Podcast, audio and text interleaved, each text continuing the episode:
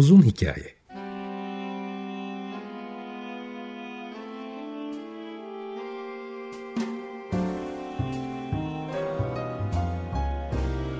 Sinir bilim, psikoloji, felsefe ve müzik.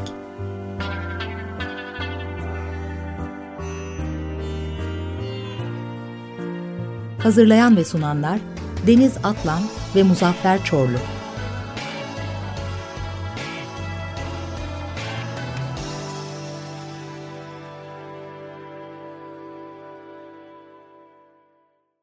95.0 Açık Radyo'dan, Açık Radyo.com.tr ve 10 uzun hikayesinden herkese iyi sabahlar. Güzel bir hafta olsun. Şimdi geçtiğimiz haftalarda e, şu işitme, duyma, görme, tatma bunların birbirleriyle ilişkilerine falan girdik. Ve müziği de ben geçen hafta ayrıntılarıyla anlattım. Bunlardan bir tanesine tabi tutmanın yanlış olduğunu, aslında müziğin bedenselleşmiş bir bilişsellik içerdiğini ayrıntılarıyla anlattığımı düşünüyorum. Ama o konuya bir neuroscientistle yani sinir bilimciyle tekrar gireceğim. Ama bugün karşımda e, Mehmet Sungur var. Yılların eskimi eskitemediği arkadaşım ve e, eski komşum. Mehmet hoş geldin. Hoş bulduk Muzaffer. Nasılsın? Teşekkür ederim. İyiyim. Sen de iyi gözüküyorsun. Umarım iyisindir. Muhteşem. Şimdi şöyle yapalım. E, tabii e, Mehmet'i benim davet etmemin e, sebebi bu sefer ketojenik beslenme üzerine değil. Çünkü kendisi aynı zamanda bir e, keton diyet uzmanı ama sertifikalı. Ama onun tabii ki bugünkü bağlamdaki uzmanlık alanından yararlanacağım iki tane konu var. Birincisi profesyonel tonmeister olması. İkincisi de aynı zamanda keman sanatçısı olduğu için hem işin mikrofonun arka tarafında hem de ön tarafında bulunması hasebiyle e, konuyu daha bir e, derinlemesine ele alacaktır diye umuyorum. Tanıdığım için de bir biliyorum ki öyle olacak. Şimdi Mehmet şöyle başlayalım. Ben geçen hafta bahsettim. Hemen direkt benim çok yakındığım konudan girelim olaya istersen, izin verirsen. O da şu, insanlar e, bu telefon, internetin de artık e, herkesin cebine girmesiyle beraber telefondan, bilgisayardan, televizyondan müzik dinler ve müzik sever olmaya e, başladı ve bu da arttı. Eskisi gibi şu plağı alalım, şu gramofonu, şu iğnesi, efendime söyleyeyim şu CD'nin e, şu box'u, şu markanın şu speaker'ından artık vazgeçilmiş görünüyor. Küçük bir zümreyi bu, e, dışarıda tutuyorum. Gerçekten de hı hı. buna özel yatırım yapan, para harcayan insanlar, audiofil insanlar var. Fakat e, geneli böyle değil. Şimdi ben geçen hafta bayağı bir serzenişte bulundum. Belki bana kızacaklardır. Sen işte o bilmem neyin kaç para olduğunu biliyor musun diye kızabilirler. Ama e, bir ses uzmanı en azından kayıt dediğim gibi mikrofon önünde ve arkasında olan birisi olarak. E, sen bana katılır mısın? Bu müzik dinlemek biraz pahalı bir iş ya da zor bir iş değil mi? Ya da öyle mi diyorsun? Ya şimdi Muzaffer şöyle bir hikaye var. Yani bütçeye göre işler var. Yani bizim çok aslında benim çok sevdiğim bir laf var. Ne kadar pound o kadar sound. Bu lafı seviyorum. Hmm. Ee, o köfte yani... değil miydi ya? Her şeye uyarlanabilir aslında. Şimdi bu iş evet pahalı bir zevk. Gerçekten öyle. Yani bu ketojenik beslenmede de öyle. İşte sen etin kilosunu ne kadar biliyor musun diye başlayıp sonra da sen bu pick-up iğnesini ne kadar biliyor musun ne kadar gider bu işler. Evet. Dolayısıyla öncelikle gerçekten ayıracağımız bütçe ne? Yani elimizde ne var ve bununla maksimum ne yapabiliriz kısmına geliyoruz. Şimdi işin audiofil kısmına geçiyorum. Çünkü o gerçekten hani gurme kısmına geliyor işin. Evet Ama, tabii yani 3000-4000 poundluk sadece e, standart bir amplifikatör almak e, mümkün ki bu sadece hani bir or yani sadece geçen gün arkadaşlarımın e, dan biliyorum e, birkaç bin euroluk kablodan bahsediyorum. Heh. Yani sistemleri birbirine bağlayan e, kablodan bahsediyorum e, ve bunun da metresinden bahsediyorum. Düşün. İşte zaten sıkıntı buradan başlıyor. Yani biz müziği dinlediğimiz zaman müziğin aslında ilk kaydıyla başlıyorsun. Hatta onu seslendiren sanatçıyla başlıyorsun. Oradan geldik. O kaydın yapılması, o kaydın basılması, o kaydın yayınlanması, o kaydın yayınlanmış kaydı alıp bizim hangi ortamda dinlediğimiz, evimizin akustiği veya işte kullandığımız kulaklıklar eğer evde değil de hani mobil olarak gidiyorsak kullandığımız kulaklıklar, kullandığımız cihaz, aradaki eğer evde dinliyorsan o kablolar, kabloların yani birbirine o kadar bağlı şeyler var ki orada bir nokta eğer kötüyse her şey kötü oluyor. Yani o yüzden mesela o kablonun birkaç bin euroluk olmasının şimdi efendim o birkaç bin euroluk olmazsa biz müziği kötü mü dinleyeceğiz? Hayır. Yani benim de biraz önce sen dedin ya linçlenme kısmında e, ben şunu iddia ediyorum işte 320 kpps e, mp3 hani Türkçe konuşalım mp3 demeyelim de mp3 dinlemekle 44.1 e, WAV dosyasını dinlemek arasında dinlediğiniz ortamda bunu ayırt edemeyeceğiniz şekilde olabileceğinin iddiasındayım. Yani MP3 dinlemekle WAV dinlemek veya FLAC dinlemek arasında dinlediğiniz ortama göre bunu ayırt edemezsiniz. Ama bu ayırt edilebilir mi? Evet edilebilir. Yani sonuçta bizim bütün araya koyduğumuz ekipman bizim en son noktada dinlediğimiz müziği belirliyor. Şimdi tabii bütün bu ekipmanların yanı sıra yapılan testlere de bakıyorum. Ee, insanların müziği kulaklıkla dinlemesi ile ortam sesi alarak dinlemesi. Hatta şimdi iyicene kulağın içine de giren. E, Şu anda mesela benim kullandığım evet, gibi. Konuş, tabii konuşma sesi için belki bir takım ikimize de pratiklik sağlıyor olabilir. E, o ayrı ama şimdi müzik dinliyoruz. Diyelim ki işte bir e, Wagner opera üvertürünü dinliyoruz ve e, hani piccolo flütlerden Wagner tubasına kadar çok geniş bir range'de yani hem oktav açısından hem register açısından hem de çok geniş bir timber'dan bahsediyoruz. Yani çalgıların hı hı. kendine özel tınılarından bahsediyoruz, renklerinden bahsediyoruz. 40'tan fazla da enstrümandan bahsediyoruz. Böyle bir durumda kayıt kısmına birazdan geleceğim. Çünkü orası senin asıl şu anda zaten e, hali hazırdaki işin ve uzmanlığın. E, kayıt kısmına sonra geleceğim ama iyi bir kayıt, e, kaydın iyi olduğunu varsayarak dinleyenin hı hı. bunu maksimum tadabilmesi için, maksimum e, bu verimi alabilmesi için yapması gerekenler var. Hem kullanıcı aletler açısından hem de işte ne bileyim ben çok sonradan öğrendim işte iyi bir kolon speaker ne diyoruz ona? Hı Türkçe'de box hoparlör. Hoparlörün hoparlör. E, duvardan ne kadar uzak olması gerektiği, açılarının nasıl durması gerektiği ve dinleyen kişinin nerede durması gerektiğine ilişkin baya baya reçeteler var. Dolayısıyla e, sorum şu. İyi bir kayıt olduğunu varsayıyoruz ve çok zengin bir e, informasyondan bahsediyoruz. Ben örnek olarak e, Wagner dedim ama hiç önemli değil hangi stilde olursa olsun. Bunun iyi dinlenebilmesi için dinleyicinin nelere dikkat etmesi gerekir? Yani e, sadece olay pahalı alışveriş yapmakla da biten bir durum değil çünkü. Değil. Şimdi şöyle bir şey var. Genel anlamda biz akustikte şunu söylüyoruz. Yani insan kulağı 20 Hz ile 20 bin Hz arasını duyar diye bir genel geçer bir nokta var. Şimdi tamam da 20 bin Hz dediğimiz yani 20 kilohertz'i şu anda normal olarak bir bebek değilsen duyma mümkün değil. Yani ancak doğduğumuz anda işte bir yaş, iki yaş gibi noktaya kadar 20 kilohertz'i duyabilecek beceriye sahibiz ama bizim aslında duyabildiğimiz noktalar e, şu anda işte 16 kilohertz o da 20'li 30'lu yaşlarda. Sonrasında her yaşla beraber e, işitme kaybına uğruyoruz. Bu işi e, duymak olan insanları geçtim. Onlarda maalesef yani bende de benim gibi mesleği olan insanlarda işitme kaybı giderek daha fazla hale geliyor maalesef. E, bu da meslek hastalığı. Ama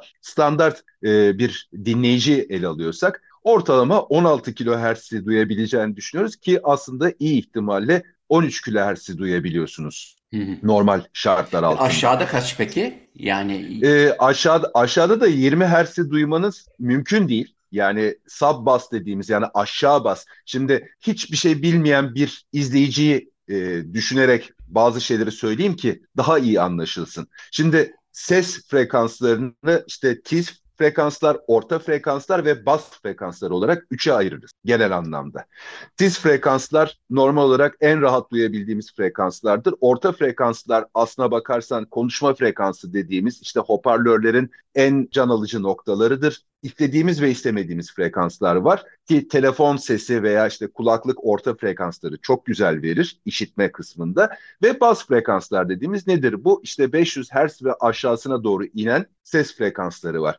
Biz nereye kadar duyabiliyoruz? Aslında 60-70 Hz arasını duyabiliyoruz normal şartlar altında. Sonrasını hissedebiliyoruz ama duyduğumuzu tanımlayamıyoruz. Yani bu noktada o zaman iyi bir dinleyici bir şeyleri iyi dinlemek istiyorsa ne yapması gerekiyor? Bir kere bu frekansları eşit bir şekilde cevap veren bir kulaklık veya bir ses sistemi bulması gerekiyor. Bu da mesela mikrofonları aldığınızda, satın aldığınızda içeride bir polar patern dedikleri mikrofonun duyum kısmını ve kayıt kısmında neredeki frekanslara cevap verdiğini gösteren bir kart vardır. O kart ne kadar düz bir şekilde ilerliyorsa bize aslında o kadar eşit frekans duyumu verdiğini veya onu kaydettiğini gösteriyor. Dolayısıyla bizim alacağımız bir kulaklık veya ses sisteminde bu frekanslara ne cevap verdiği çok önemli. Yani Peki bunu biz, test edebilir mi tüketici? Bunu evet şimdi şöyle bir şey var. Aslında en güzel hikaye denemek ve dinlemek. Yani Tamam ama şimdi herkes senin gibi ya da işte bu konuda uzman değil.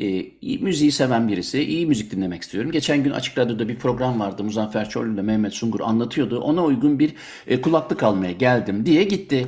Senin söylediğin gibi o frekansları tepki veren, düzgün cevap veren bir mikrofon olabilmesini, olduğunu daha doğrusu. Neresinde görecek onu? Dinleyerek uzman değil, dinlediğinde beğendim demekten öteye gidemeyecek ama e, daha teknik olarak bunun cevabı nasıl bulacak? Ha, şimdi iş dinlemekse bu noktada kişisel zevk öne çıkıyor. Yani bir kulaklıktan bahsediyorsak satın alacağın kulaklığı dinleyip dinlemek istediğin müzik, dinlemek istediğin kulaklıkta sana dinlemek istediğin şekilde geliyor. Dur en Mehmet, önemli şimdi şey herkes ben Tom Meister'ı bulmuşken Şimdi Heh. kaçırmak istemiyorum. Şimdi e, dinlemek istediği müzik işte diyelim ki e, caz olsun. Ben şurada e, senden bir bilgi istiyorum. Şimdi ben bunu dinledim kulaklıkla, sevdiğim bir şey dinledim. Bana iyi geldi. Benim için bir bilgi ifade etmiyor. Çünkü ona iyi gelmiş olabilir ama belki iyi değildir o. Yani daha bunun somut parametreleri var mı? Mesela kulaklığı açtığı zaman içerisinde mi yazar onlar? Ya da işte alacağı alışveriş yaptığı yerdeki uzman kişiye sorup şu şu şu frekansları karşılıyor mu? Ben şu müziği severim. Yani klasik müzik sevenle e, ne bileyim daha bir metal müzik sevenin muhtemelen e, başvuracağı kulaklıklar farklı olabilir belki. Ama bilmiyorum. Ben dinledim. Her ikisinin de iyilerini dinledim. Yani e, hı hı. metal müzik bu mikrofon şeyle kulaklıkla dinlenilir. Okey onunla da dinledim. Onunla bir Beethoven dinledim. Vallahi çok beğendim yani. ee, onu tercih şimdi, ederim. Şimdi şurada en önemli nokta şu. Bir kulaklıktan bahsediyorsak şu anda mesela kulaklıkların üzerinde mesela yüksek bas yazar. Bu şu demektir. Bu kulaklık bas frekanslara fazlasıyla cevap veriyor. Hatta biraz da abartılmış cevap veriyor. Şimdi burada kişisel zevkler ön plana çıkıyor. Yani ben kulaklık veya hoparlör kısmına, dinleme kısmına geliyorum. Eğer ki ben yoğun basları seven bir insansam tercih edeceğim şey de kulaklık veya hoparlör o yoğun baslara cevap veren olmalıdır. Tabii ki içerisindeki prospektüste o kulaklığın veya o hoparlörün hangi frekanslara cevap verdiğini gösteren mutlaka bir işte kart vardır. O kartı göre bakarsın. Şimdi arzu ettiğimiz şey bizim e, mesela benim arkamda gördüğün hoparlörler e, referans monitör dediğimiz bir hoparlör çeşidi. Nedir bu? Referans monitör hiçbir frekansı abartmayan yani neredeyse Hı-hı. biraz önce bahsettiğim o düz frekans evet flat dediğimiz düz dediğimiz e, mümkün olduğu kadar frekanslara eşit cevap veren e, hoparlör çeşididir. Şimdi müziği biz equalizer dediğimiz kısma girersek işe mesela taksici equalizer'ı girer. Neden? Mesela şöyle bir hareket vardır equalizer'da. Basların ve tizlerin yukarıda olduğu ama orta frekansların göçtüğü klasik taksici equalizer'ı. Aciko vardı hatırlar mısın? Meşhur marka.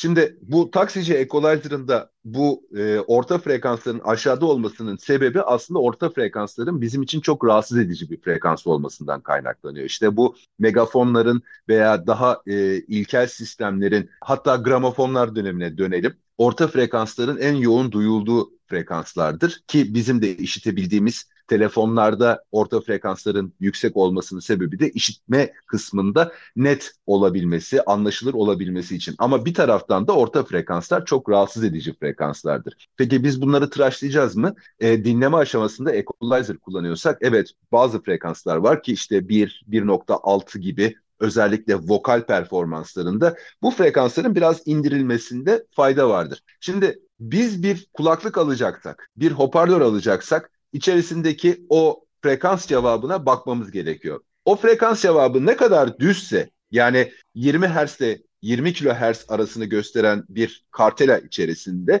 ne kadar düz frekans cevabı görüyorsak bu o kadar referans monitörü anlamına geliyor. Ama bazı monitörler vardır, bazı kulaklıklar vardır. Bas frekansları yüksektir, tiz frekansları daha az cevap verir. Ya da tam tersine bas frekansları normal seviyededir ama tiz frekansları yüksektir. İşte burada müzik seçimi geliyor ve aslına bakarsan bizim için en hani referans alacağımız nokta şu. Biz akustik olarak dinlediğimizde yani bir konsere gittik değil mi? Bir orkestra çalıyor. O bizim duyabileceğimiz en temiz noktadır. Neden? Çünkü canlı bir icra vardır ve ortam da buna uygun bir ortamsa bir konser salonu zaten buna göre dizayn edilmesi gerekir. Buna göre tasarlanması gerekir. Bak Wagner'den bahsettik. Ee, Bayreuth'ta e, oranın Wagner tarafından dizayn edildiğini, tasarlandığını, orkestra çukurunun e, bir kavisle geldiğini, en arka noktaya ulaşabildiğini tasarlayan bir adam var karşınızda. Yani ortam da buna uygunsa bizim amacımız o ortamda dinlediğimiz. Yani bir konser salonunda veya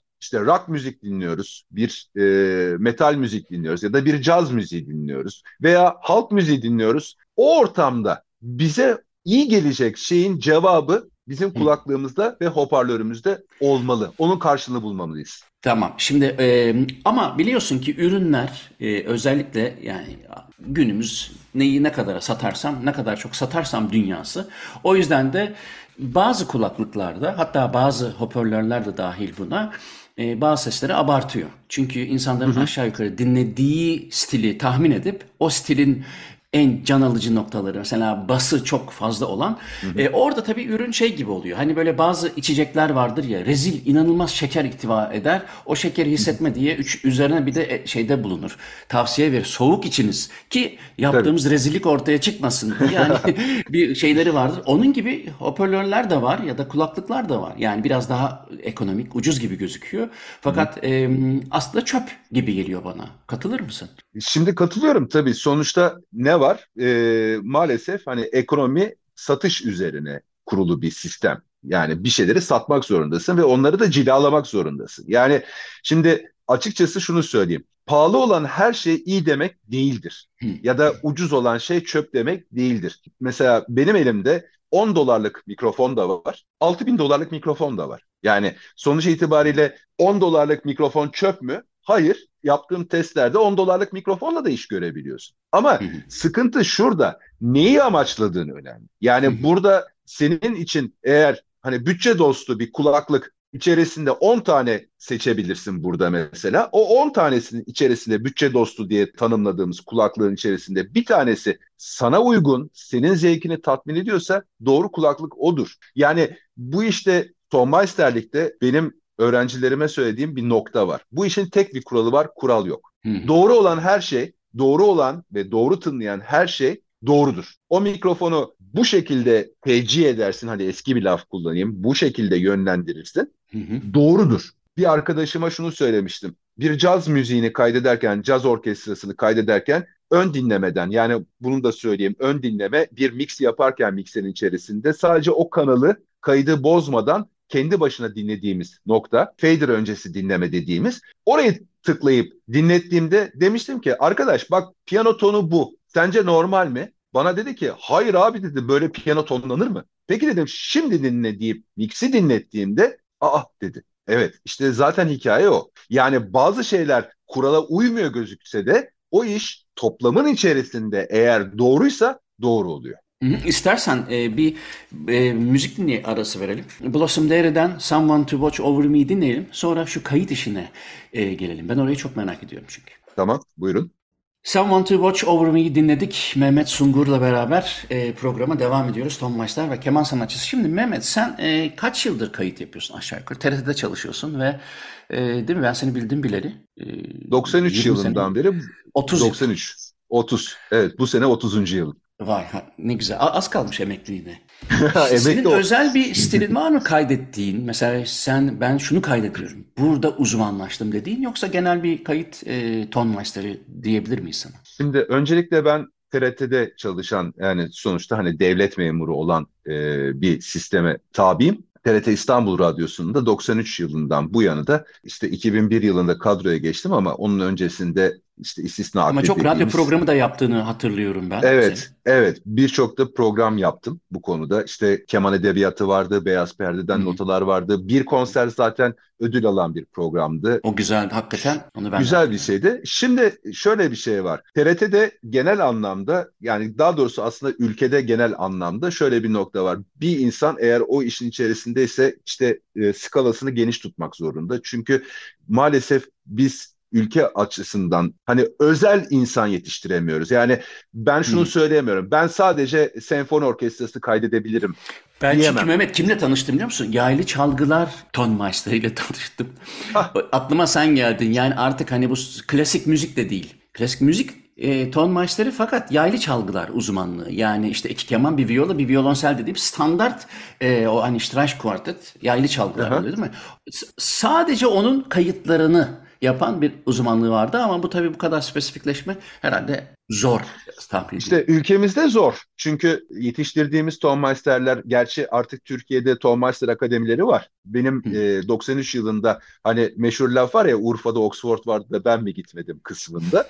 e, 93 yılında 30 yıl öncesinde benim ya İngiltere'ye ya Almanya'ya ya Avusturya'ya gitmem gerekiyordu e, bu konuda en azından Avrupa açısından konuşursak. Türkiye'de böyle bir şey yoktu. Konservatuar okuduğumuz dönem içerisinde neden hatta TRT'ye girdiğim zaman sınavında bana sormuşlardı. Sen konservatuar mezunusun neden bir orkestrada değilsin e, ya da neden solist olmadın da tonmeister olmak istiyorsun? Ben de şu cevabı vermiştim. Dünyanın en iyi kemancısını, kemancı olduğum için buradan örnek veriyorum. Dünyanın en iyi kemancısını getir ama dünyanın en kötü tonmeisteriyle kayıt yapmaya kalk ortaya bir felaket çıkar. Ama orta düzey yani işte genel geçer bir kemancıyı aldığımızda ve iyi bir tonmeister varsa ki bu arada kayıt teknisyeni ve tonmeister'i ciddi anlamda ayırırım. Onu da birazdan açacağım neden olduğunu. Ee, böyle bir sahnede iyi bir kayıt çıkar. Dolayısıyla işin mutfağı çok önemli. Yani ben mutfakta herkes sahnedeyse mutfakta kim olacak? Yemekleri kim pişirecek? Dolayısıyla ben işin mutfağına geçmeyi tercih ettim.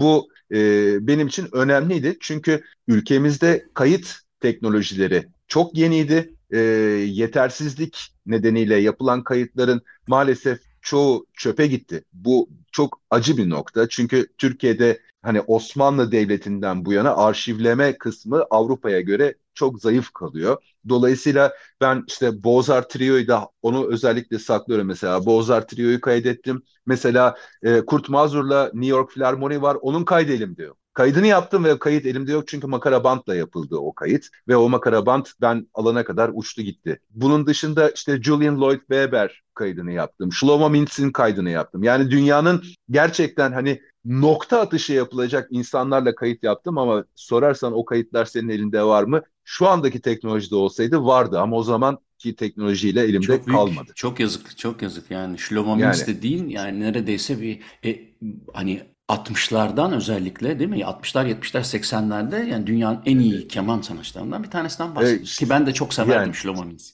Yani Shlomo Mintz çayırdaki Sam Martin. Sam Martin in the Fields.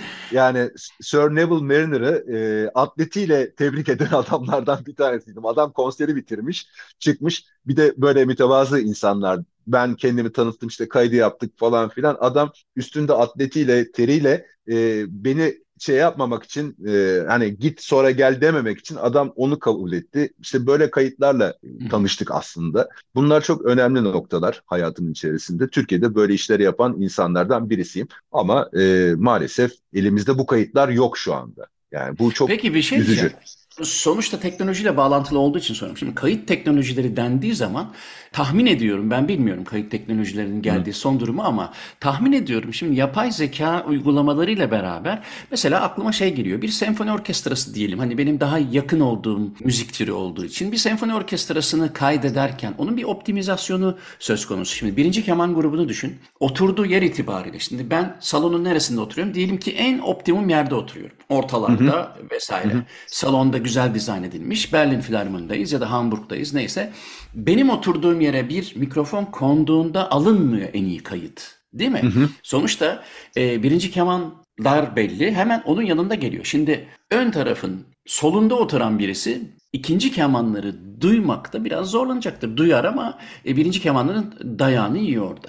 E, biraz daha yukarıdakiler orada klarinetle obua arasındaki farkı şimdi klarinetin e, daha belki yüksek olmasından, obuanın daha yüksek olmasından ötürü daha iyi duyacaktır falan filan. Dolayısıyla bir senfoni orkestrası düşün, standart olsun. Haydn senfoni çalıyorlar. Öyle standart. Bir yapay zeka uygulamasıyla sesi optimize eden enstrümanları tanıyıp artık hangi veriler girildiyse hı hı. mikrofonları da ona göre yerleştirmek gibi bir durum var mı? Yani yapay zeka sorum şu. E, mikrofonların yerleştirilme yerlerini e, enstrümanlara ya da gruplara olan uzaklığını, yakınlığını değiştirdi mi? Yeniden belirledi mi? Öyle bir şey oldu? Şimdi e, ben önce dinozorlar öldüden bahsedeyim. Oradan başlayalım. O zaman o düşen meteordan bahset bari. Meksika'dan daha da git. Şimdi şöyle bir hikaye var. Bizim e, tatlı nokta dediğimiz, İngilizce'de de sweet spot dediğimiz kısım ya da spot artık şey olarak e, aslında 60 derecelik ki hoparlörlerin hani burada yine duyuma geleceğiz. Hoparlörlerin yerleşimi de bu olmalıdır. 60 derecelik bir açı ve bu açının kesiştiği nokta neresiyse oturmanız gereken yerde aslında dinleme noktası, evet. tatlı nokta tam o kısımdır. Şimdi konser salonlarında e, orkestrayı veya sahneyi ortadan gören ve ortadan gördüğü gibi de sahnenin e, pardon seyircinin olduğu bölümün ortası yani o 60 derecenin kesiştiği noktadaki oturan insan en şanslı insan. Niye? Çünkü her şeyi olması gerektiği gibi stereo. Çünkü kulaklarımız Şimdi herkes hani... oraya yönelecek. Oradaki o 10 e, kişilik grubun biletinin fiyatlarının art, yüksek olması lazım aslında.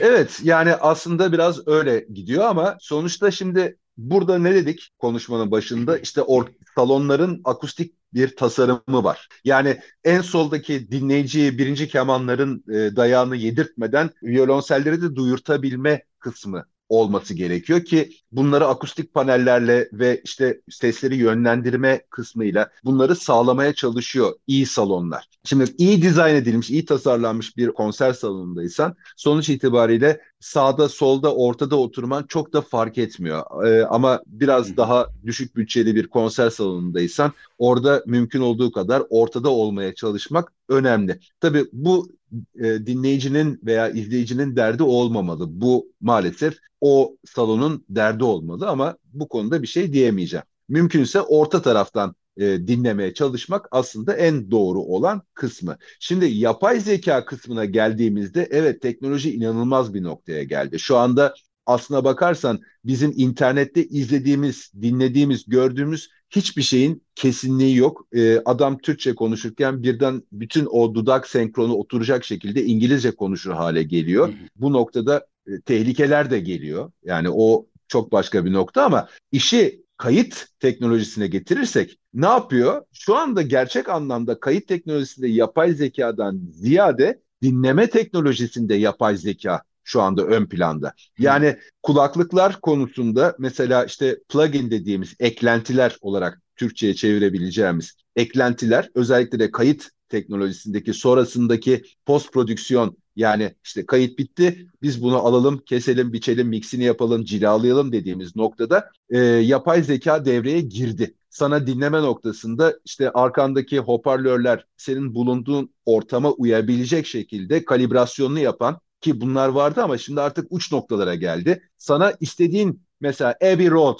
yani şu anda dünyanın en iyi stüdyolarından bir tanesi. E, sen o eklentiyle kendini Abbey Road stüdyosunun içerisinde dinliyor hale bile gelebiliyorsun. Ne kadar? Şu anda belki yüzde yüz değil ama bu şu demektir. Bir yerden yol açıldı ve artık bu gidiyor. Yakın bir zaman içerisinde dinleme noktamızı işte bu teknolojinin işi ucuzlatabilme noktası da bu. Belirli bir yere kadar sana büyük fiyatlarla satacak ama sonrasında o karı aldıktan sonra daha ulaşılabilir e, noktaya gelecek ve biz aslında artık duyum açısından istediğimiz ortamda işte e, yok Abbey Road, yok işte Concertgebouw, işte yok Albert Hall gibi ortamları simüle edebileceğiz, e, taklit edebileceğiz noktaya geldik. Ama şimdi sorunun hani uzattığımın farkındayım ama bunları da anlatmak zorundayım. Şimdi, yok yok uzat uzat e, daha iyi. Ama şey, şeyi de unutma onu da e, eklemeyi unutma lütfen.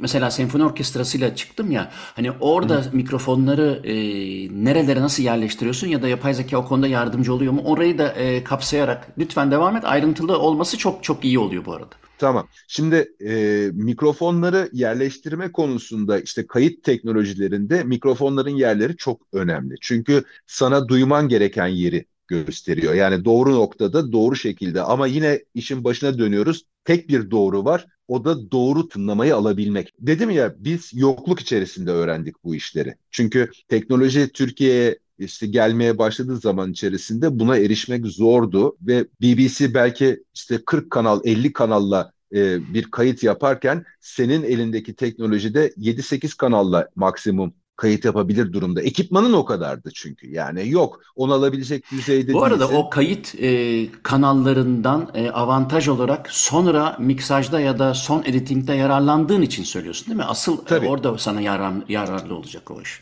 Şimdi şöyle bir şey var. Hani bu bilimsel olarak da hani örneklem dediğimiz ne kadar çok örneğin varsa Hı. o kadar e, gelişmiş bir şekilde sonuca ulaşabilirsin. Şimdi iki kanal dediğimiz stereo kanal ki yine söylüyorum hani biz insan ırkı olarak stereo duyuyoruz. Yani sol kulağımız ve sağ kulağımız arasında e, bir süre farkı var. Yani bir ses bizim kulağımızın sol tarafına işte bilmem kaç milisaniyede ulaşıyorsa sağ kulağımıza bilmem kaç milisaniye daha geç ulaşıyor ya da yönüne göre eğer sağdan geliyorsa sağ tarafa daha çabuk ulaşıyor, sol tarafa biraz daha geç ulaşıyor. Bu da bize stereo etki yapıyor ve bu da bizim kendi anlamda hani şimdi artık e, büyük firmalar işte e, uzamsal ses diye bir şey çıkarttılar ya mesela işte yönleri var falan filan. Ama bizim için en temel nokta e, stereo yani doğal olan bizim iki kulakla duymamız. Bu noktada o stereo kaydı bir kere bizim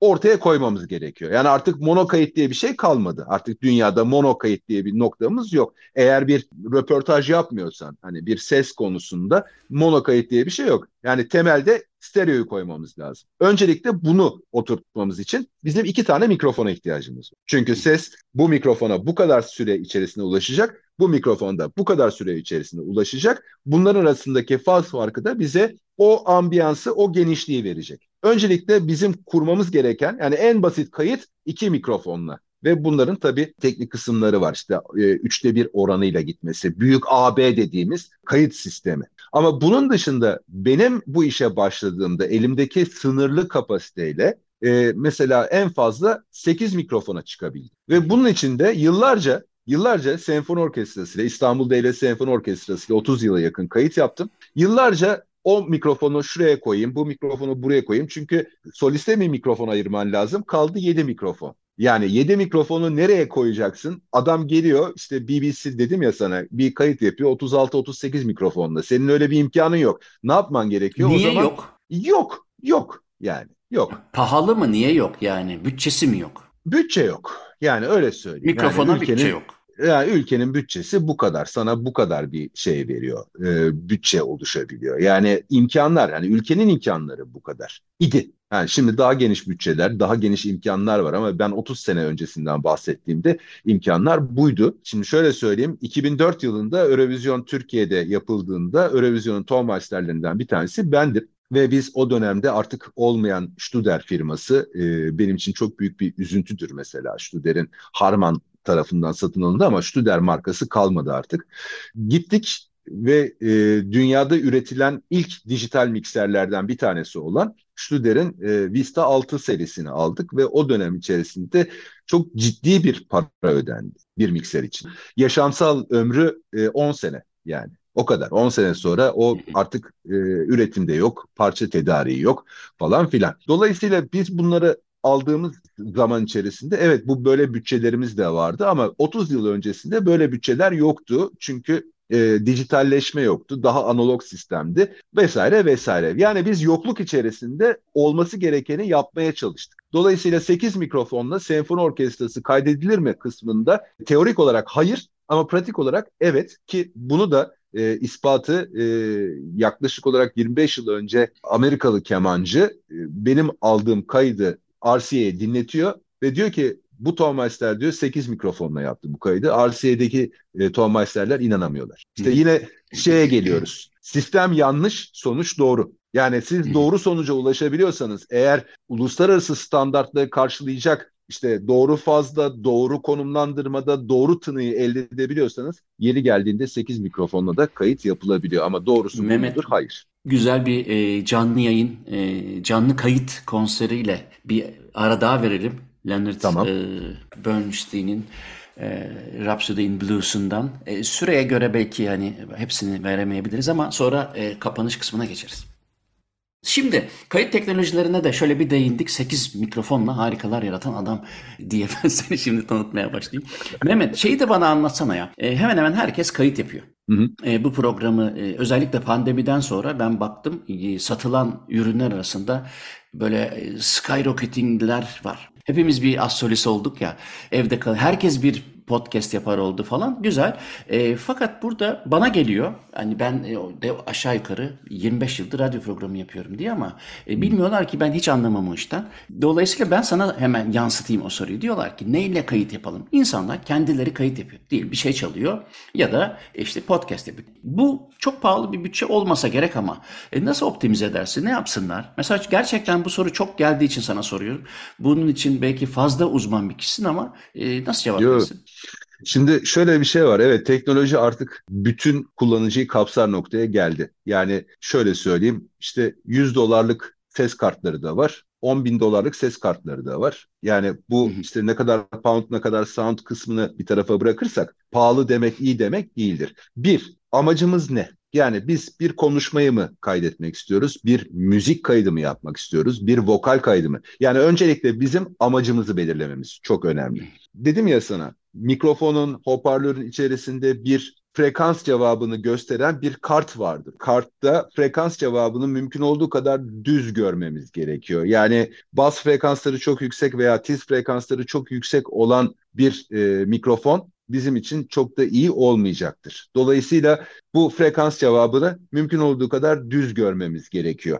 Yani bunu sağladığımız zaman ortalama bir kayıt yapabileceğiz anlamına gelir. Bunun dışında şimdi işte USB mikrofonlar var. Araya bir ses kartı bilmem ne gerekmeden direkt işte bilgisayara bağlıyorsun ya da laptopuna bağlıyorsun ve kayda hazırsın. Tamam bu da çok güzel. İstediğimiz gibi de orta frekansları ya da bas tiz frekansları abartmayan işte güzel bütçemize uygun bir mikrofon aldık. Ses kartına bile gerek yok. Aslında var. Ama işte şimdi gelişmiş olan teknolojilerde bu tip e, yayın yapmak isteyen, işte podcast yapmak isteyen veya işte amatör müzisyen bir şey kaydetmek isteyenler için genel bir e, içeride dönüştürücüleri olan mikrofonlar var. Bu eyvallah. Sonrasında kayıt programı giriyor devreye tabii. Yani basit kayıtlar yapmak için basit kayıt programları var. Ama hani e, sonuçta işte e, bilmem ne markasına ait olan laptopun içerisinde de olan kayıt programları da var. Çok böyle akla yatkın programlar, bu kadar para vermeye gerek var mı dediğimiz programlar ama